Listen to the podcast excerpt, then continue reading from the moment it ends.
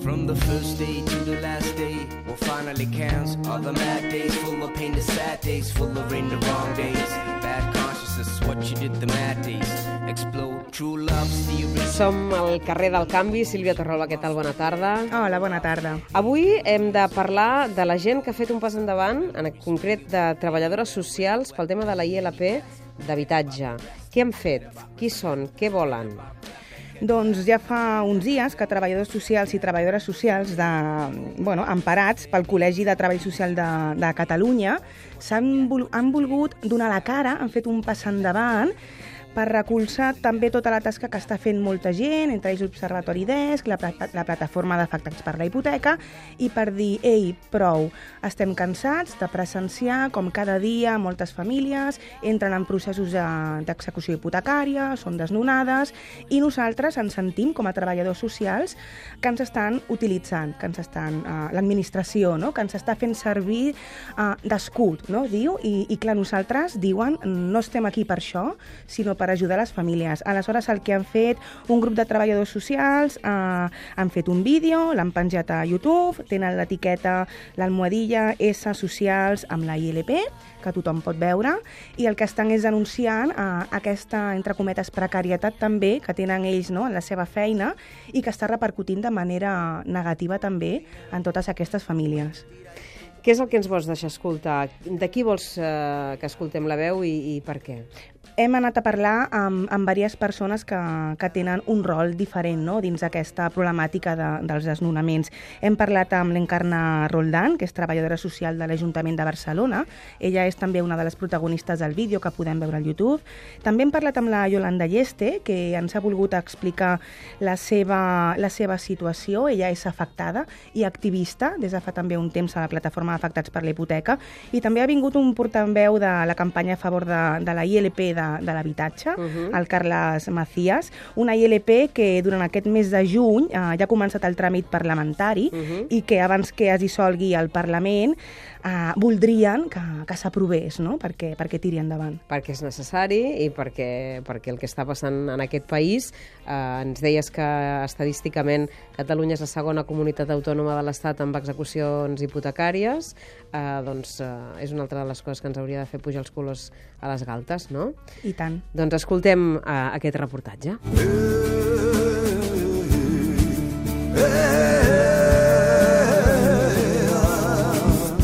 nom és Cara Roldán, sóc treballadora social de l'Ajuntament de Barcelona. Vaig decidir participar en el vídeo de la ILP d'habitatge i contra el tema dels desnonaments perquè trobo que estem vivint temps d'il·legalitats injustes. Pues la gent ve amb unes expectatives que nosaltres no podem complir perquè no tenim competències en, en habitatge.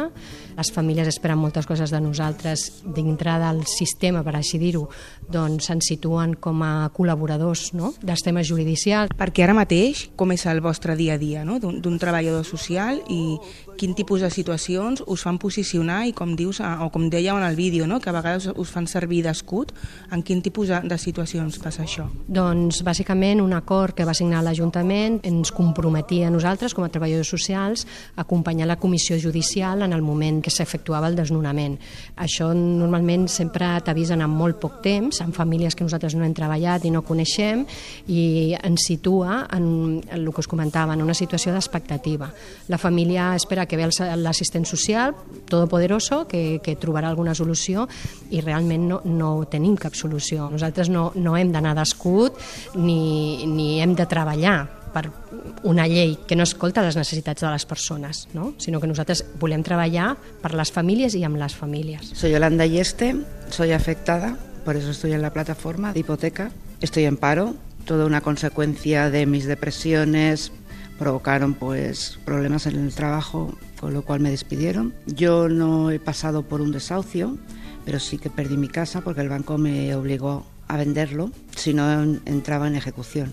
Me hicieron una doble garantía con el piso de mis padres, que efectivamente pasó y está pasando, llevo año y medio luchando para que no se lo quiten a ellos. Yo ahora mismo, si ya me veis, que voy muy pintada, muy, muy arreglada, pero o sea, yo también desde que me levanto hasta que me acuesto no paro de llorar.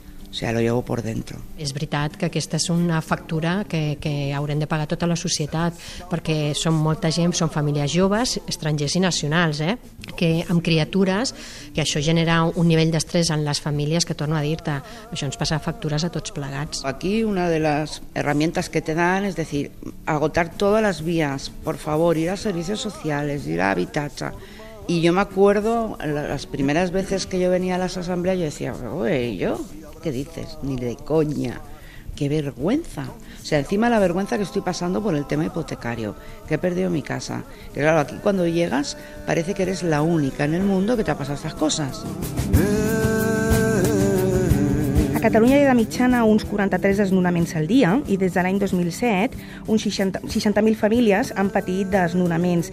La ILP d'habitatge, que ara recolzen també els treballadors de serveis socials, no només es fixa en els desnonaments per impagament d'hipoteca, sinó que també es fixa en els desnonaments per impagament de lloguer i de manera indirecta i cada cop més estan entrant també els desnonaments a famílies que viuen a pisos ocupats. Algunes de les mesures que proposa aquesta ILP d'habitatge són, per exemple, que el banc o el jutge condoni el deute de les famílies i que doni una segona oportunitat a aquestes famílies. També oferir un lloguer social a aquelles persones que no poden pagar el lloguer, que estan amenaçades de desnonament i sobretot crear també un parc públic de lloguer capaç d'oferir alternatives a les famílies que pateixin un desnonament. Per últim, la ILP d'habitatge es fixa també en el que anomenem pobresa energètica. No? Diu que calen ajudes per evitar talls en els subministraments de la llum, de l'aigua i el gas de moltes famílies. This place is but I'd never call it home. It's just a building in a city everywhere I go. I a més és que tenim com la foto és molt... parla per si mateixa, no? Tenim Catalunya lidera el rànquing de la vergonya en desnonaments a l'estat espanyol, 43 desnonaments al dia, portem ja des de 2007 més de 60.000 famílies desnonades. A la vegada tenim un parc públic de lloguer que no arriba a l'1%, són 30.000 habitatges per tota Catalunya, és a dir, només amb les desnonades ja necessitaríem el doble del que tenim ara i acumulem més de 450.000 pisos buits. Uf, pues mira, creo que es la solución. Al derecho a la vivienda, al derecho a que no estés en la calle, al tener una segunda oportunidad, a obligar a todas estas grandes potencias inmobiliarias y, y bancarias a, a que nos ayuden, al fin y al cabo. Quien mueve el país somos, somos los trabajadores. La, la meva opinió, i ara parlo en nom meu, és el tema de que el que tindria que haver és més llocs de feina on la gent es pogués guanyar la vida honestament i tenir dret al seu habitatge. Si no, pues, eh, evidentment el que tindria que haver és un parc públic molt més ampli. Pensa que si fem així un càlcul aproximat, a la ciutat de Barcelona poden haver-hi un, uns 3.000 desnonaments i l'any passat només es van otorgar uns 236, em sembla, pisos de protecció. Doncs, evidentment, aquí el desfase queda, es fa molt evident. Després també doncs, tenim esperances que la LP, si es posa en marxa, doncs totes aquestes eh, bueno, espais de temps, moratòries, no sé com dir-li ara tècnicament, doncs ens permeti el que nosaltres estem reivindicant des de l'inici, poder treballar amb les famílies, no? com poder sortir d'aquesta angoixa de no tenir on anar a viure amb perspectives de futur. Eh? Jo sempre dic perspectives de futur, no de destí. No és, bueno, a veure què passa... No, no, el meu futur el vull decidir jo, no? la família en aquest sentit. Bueno, doncs això és el que volem treballar.